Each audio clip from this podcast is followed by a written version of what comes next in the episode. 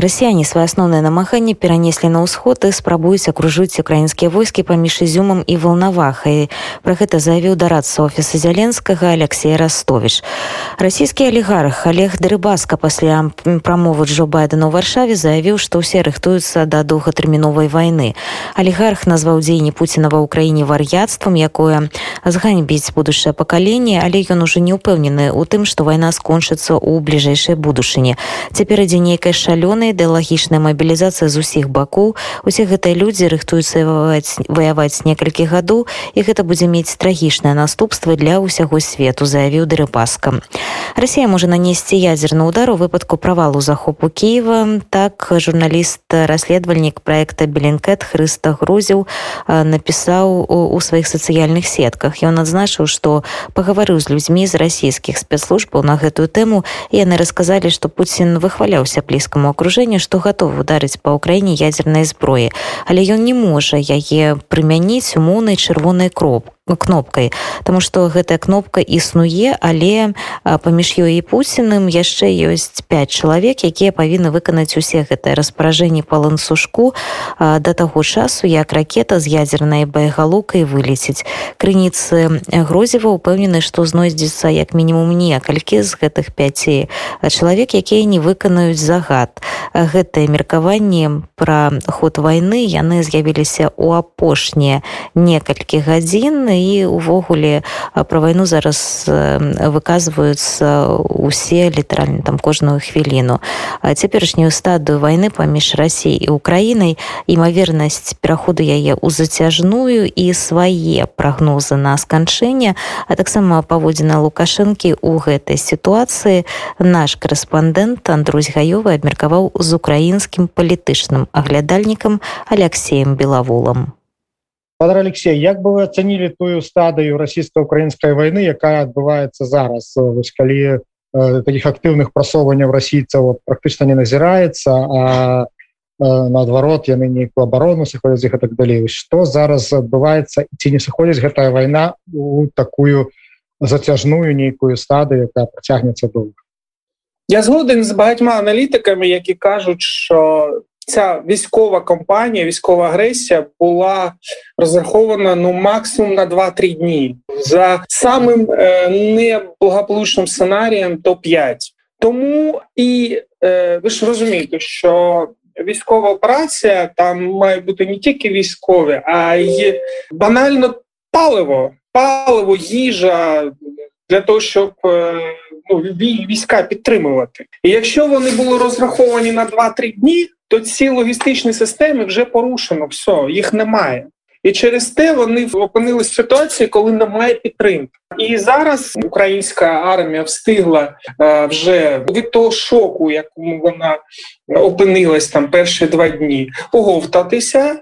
Провела Україна мобілізацію, отримала новітню зброю. Тут ще відкрився другий фронт, тільки зараз це економічний з боку заходу, і така ситуація, що зараз рівновага на фронтах. Її може порушити або Україна все таки дадуть ці міги, тобто, бо немає, немає ці важливі деталі, да це я не військовий експерт, але в принципі, якби аналізуючи ситуацію, аналізуючи фронт, то питання з тим, що в нас мало літаків, і ми не можемо закрити власне небо. Через те зараз Маріуполь досі перебуває в жорстокій блокаді, жорсточайшому оточенні. То е, якщо будуть ці міги і системи С-300, то е, може бути контрнаступ досить сильний. Росіяни навпаки очікують е, на нову хвилю мобілізації. Але я тут згоден теж з багатьма експертами, що Путін він е, дуже сильно боїться, що він мобілізує людей, а вони проти нього повстануть.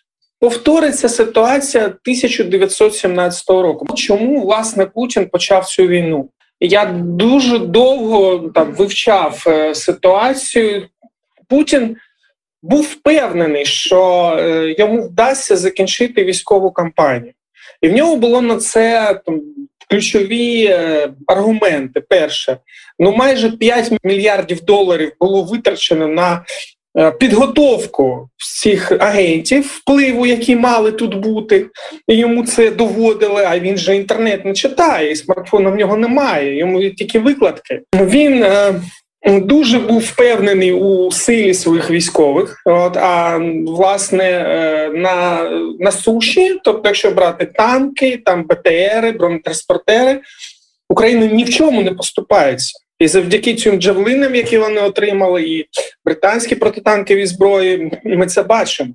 Єдина перевага це оці балістичні ракети і літаки. Але і тут, завдяки вищій мотивованості, українці впораються. І тому він був впевнений, що будуть санкції, і він до цього готувався. Але він був впевнений, що це вирішиться за 2-3 дні.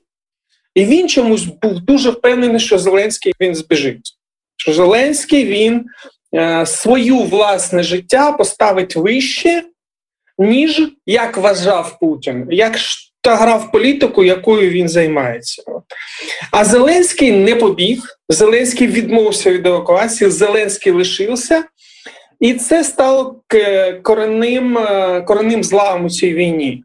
Тому що всі санкції, якщо ви побачите, всі санкції, всі реакції, всі е, відключення, там частково від СВІФТу, все таке інше, були після того, як було зрозуміло, що за три дні Україна не пала і Київ не взяв. Все. І багато в чому це була помста вже потім е, Путіна, і те, що зараз Шойгу зник. Це означає, що ну дуже великий, дуже сильно він переживає цей провал, і багато хто мріє вже зробити так, щоб він одного ранку не прокинувся, щоб цю війну закінчити. Тому зараз таке ситуація, фронт він завмер, але ми особисто не знаємо. Яка зараз ситуація в українських військових? Бо нам ні, ніхто ці дані зрозуміло не надасть. Да? Е, і ми знаємо, що спочатку було майже 200 тисяч російських військових, які були зосереджені на кордоні. І ми знаємо, що війна планувала 16 лютого, але вирішив сесії, тобто лідер Китаю, який переконав Путіна, щоб він не починав військові дії на час Олімпіади. І за цей час Україна, наскільки вона могла, вона встигла підготуватись. І як кажуть багато там експертів, інсайдерів, багато цих е, пострілів там вже, якщо не помиляюсь, 1080 ракет вже було випущено по Україні. А зруйновано тисячу домівок тільки в Харкові. Багато е, цілей були ложними. Тобто е, те, куди потрапляли ці ракети, це були мішки з піском, там якихось. І чому, коли позбавили їх цих означок, дехто вони взагалі не, не орієнтувалися. Тому зараз дуже велика проблема з Маріуполем. Але той момент, що зараз Франція з Грецією готові зробити гуманітарний коридор з Маріуполю, це є дуже велике рішення. Ну, звичайно, якщо французів і греків хтось обстріляє, то будуть дуже великі проблеми. І тому зараз е, питання у тому, що шок минув у Кремлі. Зрозуміли, що вони прорахувались. Але Путін не може вийти без того, щоб продемонструвати хоч якусь, е, хоч е, якусь демонстрацію своєї перемоги. І питання у тому, що е, ніхто йому такого шансу не надає, а він не може відступити. І є таке відчуття, що готується, готується відповідь, готується якась місія НАТО. От і ще Франкфурт Турція не зробила свого останнього слова, не сказала. І зараз е, дуже мене мене особисто дуже тішить те, що Україна не йде на ці пропозиції, щоб ми не отримали там якийсь мінськ 3 от, або Анкару 1 де нас змусять е, віддати нашу територію. Вы говорите, што у Росіі ресурсаў было разлічана на тры дні яны скончыліся і зараз ёсць сведчанне што яны гэтыя ресурсы спрабуюць падпоўніць яны вязуць зноў скандеры по беларусі на тыя ж самыя пазіцыі на поўдні беларусі і ва ўкраіны таксама ж за гэты месяц крышачку ресурсы зрасходаваліся. А зараз мы бачым что Путін напужаў заходнія краіны тым что любыя пастаўкі зброі будуць успрымацца як мэты для паражэння расійцамі Чаму заходнія краіны вось так баяцца гэтых пагрозаў Пуціна ці не разумеюць яны что калі Украіна не вытрымае то наступнымі будуць вось гэтыя самыя краіны тая самая горчана якая учора там вельмі так гучно заявляла что ми нікого про себе не пропустимо самі дивіться все ж таки є є те що наявне а є те що є те що робиться. Те що заявляється є те що робиться. Чому заходу так складно там свій військовий контингент вводити? Тому що ціна одного натівського солдату набагато більш вартісна ніж одного російського солдата матері, що наражають. І вони розуміють, що якщо вони прорахуються і завдяки своїм своєму є така Гордеєва журналістка, і вона робить зараз е, з інтелектуалами Росії питання, що так відбулося, і там такий професор. Олександр Асмолов він сказав, що в Росії виник новий жанр теленінавідіння. От якщо цей теле теленінавідіння розповість, що ми ж так і казали, що це війна НАТО, що НАТО так і планував. І якщо вони прорахуються і завтра там е, буде мобілізован там один мільйон солдат, а для багатьох це шанс. У них нічого немає, вони нічого не вміють. Їм краще сприймати ура патріотичну там риторику і піти вмерти. І Захід розуміє, що якщо вони зараз прорахуються, то вони можуть отримати реальну війну, але при цьому Росія не буде рахувати своїх солдат взагалі. Бо в Україні вони солдат е, ховають, вони там обережно кажуть вже про тисячу загиблих. А там нещодавно в комсомольці вийшло таке помилка в абзаці, що вони написали, що 9 тисяч загиблих. А там їм можна буде не ховатись, бо буде нова священна війна з Заходу. І тому Заход розуміє, що, умовно кажучи, там, де умовні підрахунки, але все-таки в мене таке відчуття, що один солдат НАТО це як 100 росіян. Ну, за цінністю, за вартістю. Тому важливо це зробити е, так, щоб е, це був останній удар. Останній вирішальний в в той момент, коли не буде е, не буде готовність там зібрати цих півмільйона умовних бурят. Друге питання: вони просто все ж таки не хочуть в'язуватись у війну. Бо першою причиною я назвав ковід, тому що від ковіду дуже багато економік потерпали, і зараз ще війна. Ну, все ж таки є надія, що якось воно вирішиться. Питання в тому, що вони е, потроху, поволі, але все ж таки розуміють, що треба воювати. Ну, питання, це ж ситуація була як накануні Другої світової. Коли Чемберлен, вони були впевнені, що вони можуть з Гітлером домовитись. І вони Чехію вмовили та віддайте їм судити все. І і нехай і лінію може, ну нічого, ну, ну все. Тільки щоб це ірраціональний страх. Але в деяких країнах його вже позбавлено. І віддивіться, як точно, коли вже кажуть, що все нічого не буде, Байден каже: але якщо буде хімічна зброя застосована, то ми можемо відповісти з усією силою. І Путін розуміє, що ніхто не буде розбиратись. Вони просто скажуть, що є хімічна зброя, і все. А в Німеччині досить довгий час був такий комплекс провин міф той, що СРСР равно Росія, Україна не перебила. Тому в німців було відчуття провини. Зараз вони від того відходять. Так, воно поволі розвертається, але воно розвертається.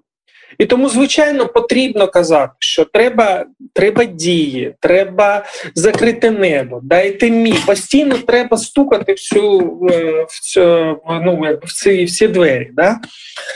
Але при цьому треба розуміти, що в них йде злам свідомості, і як вони е, свого часу дуже сильно боялися робити якісь санкції, але зараз вони війшли у смак. І вони відчули кайф від того, що вони починають відповідати. Чому там, умовно кажучи, поляки такі активні там більш ніж інші? Да? І тому, що вони розуміють, що вони дуже близькі, і тому, що вони пам'ятають, що таке радянська радянська імперія, і як була подавлена подавлене польське повстання, коли їх просто злили. Але вони пам'ятають і 2010 рік, і як під Смоленськом 100 людей е, еліти польської просто було знищено. І зараз всі війшли у смак. І спочатку економічні дії. Зараз Німеччина вже дає зброю. І ми будемо бачити, що з кожним успіхом України на фронтах, чим більше Україна вміло воює, тим більше буде отримати військової підтримки.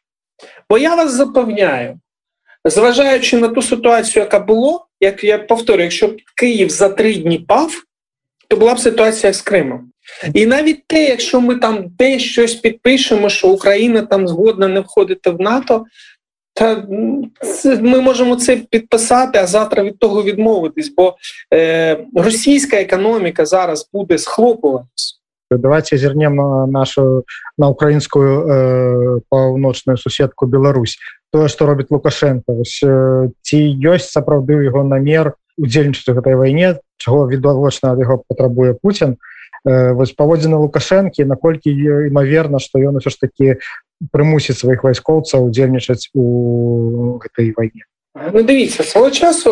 Я коли працював у великій політиці з Єном Кисельовим, ходив до редакторської групи. У нас був такий. Ми, постійно, коли Білорусі стосувались, була така е, чудова історія, що в Кремлі ніхто не розуміє е, оцієї цього феномену батьки, який приїздить, випиває.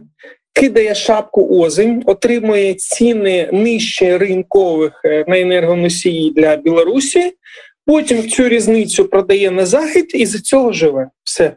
Лукашенко став е, дуже залежний від Путіна, але є відчуття, що він все-таки ну, ну хитріший. Він Він розуміє, що він, втративши все після виборів, якщо він зараз долучиться до загальної мети, от зараз так є е, розуміння, що Росія розв'язала війну, і зараз є розуміння, що продовжити цю війну хоче одна людина. Володимир Володимирович Путін. Все. І тому я вважаю, що Лукашенко, звичайно, не такий там прям стратег там і людина, що вміє добре грати в покер, але в нього є тваринне відчуття, от як Януковича. Лукашенко він теж така ну, унікальна політична тварина. Є в нього це відчуття, але при цьому він дещо втратив інстинкти. З ковідом він провалився, е, там з вагнерівцями тим ж. Е, тут він поставив себе у е, там жорстку ситуацію. От зараз, якщо Лукашенко долучиться до того, щоб ну, сприяти поваленню режиму Путіна, то він може собі пенсію щасливо відіграти. Я впевнений, що він хоче скористатися цим шансом, тому він постійно петляє. Це перший факт. А другий, ми ж розуміємо, що білоруси вони не мали тілі ненавидіння ну, проти України. Так, проти тих е, людей, що вийшли там на, на, на площі, так. Але проти України ну, немає такої накачки. І то буде важко військовим пояснити, а чому вони мають туди йти вмирати? За що? Тому є відчуття, що він буде тягнути до останнього для того, щоб свої війська туди не давати. Так, будь ласка, там територію, щоб потім сказати, а що я міг? Він би мене захопив. А от якщо він веде війська, то тут вже все. Тут вже Гаага, тут вже трибунал. І... Бо він розуміє, що Путін його Путіна всі списали. Він не рукопожатний взагалі ніким більше. В цій війні дуже багато міфологічного. І тому ну, не знаю, в мене відчуття так воно все стається. Бо знаєте, то була ситуація, коли в Україні дуже багато людей, от моїх знайомих, вони дійсно згадали Бога. От як свого часу на Майдані, там всі чотири конфесії молились кожну годину. Зараз Україна як великий майдан. Зараз всі доєдналися. І от є відчуття, що ця молитва вона Україну і тримає. І є відчуття, що до Великодня якимось божественним чином це вирішиться. Я не знаю як. Але є відчуття, що як свого часу саме Бен Ладена знайшли, так і Путіна хтось знайде. І після того будуть розмови і будуть домовлятися. Це перше. А по-друге, Заход не хоче вв'язуватися у війну, але він розуміє, що якщо за місяць її не припинити, то у Росії 20% зернових, в Україні 9%, мінус 30% автоматично. Тобто, ну може бути голод і дуже великі проблеми, якщо втратити посівну кампанію. Тому зараз е, шукаються шляхи, щоб ну от мене відчуття, що війна закінчиться до Великодня. Може, там ще будуть якісь е, там остатки, але такі ключові бойові дії вони припиняться і ну будуть посівна і в нас, і в росіян. Украінскі палітычны аглядальнік Алексей Белавол быў сёння госцем нашай праграмы з Андрусём гаёвым яны абмяркоўвалі цяперашнюю стадыю вайны паміж Украінай і рассіі імавернасць пераходу яе ў зацяжную таксама паводзіна лукашэнкі ва ўсёй гэтай сітуацыі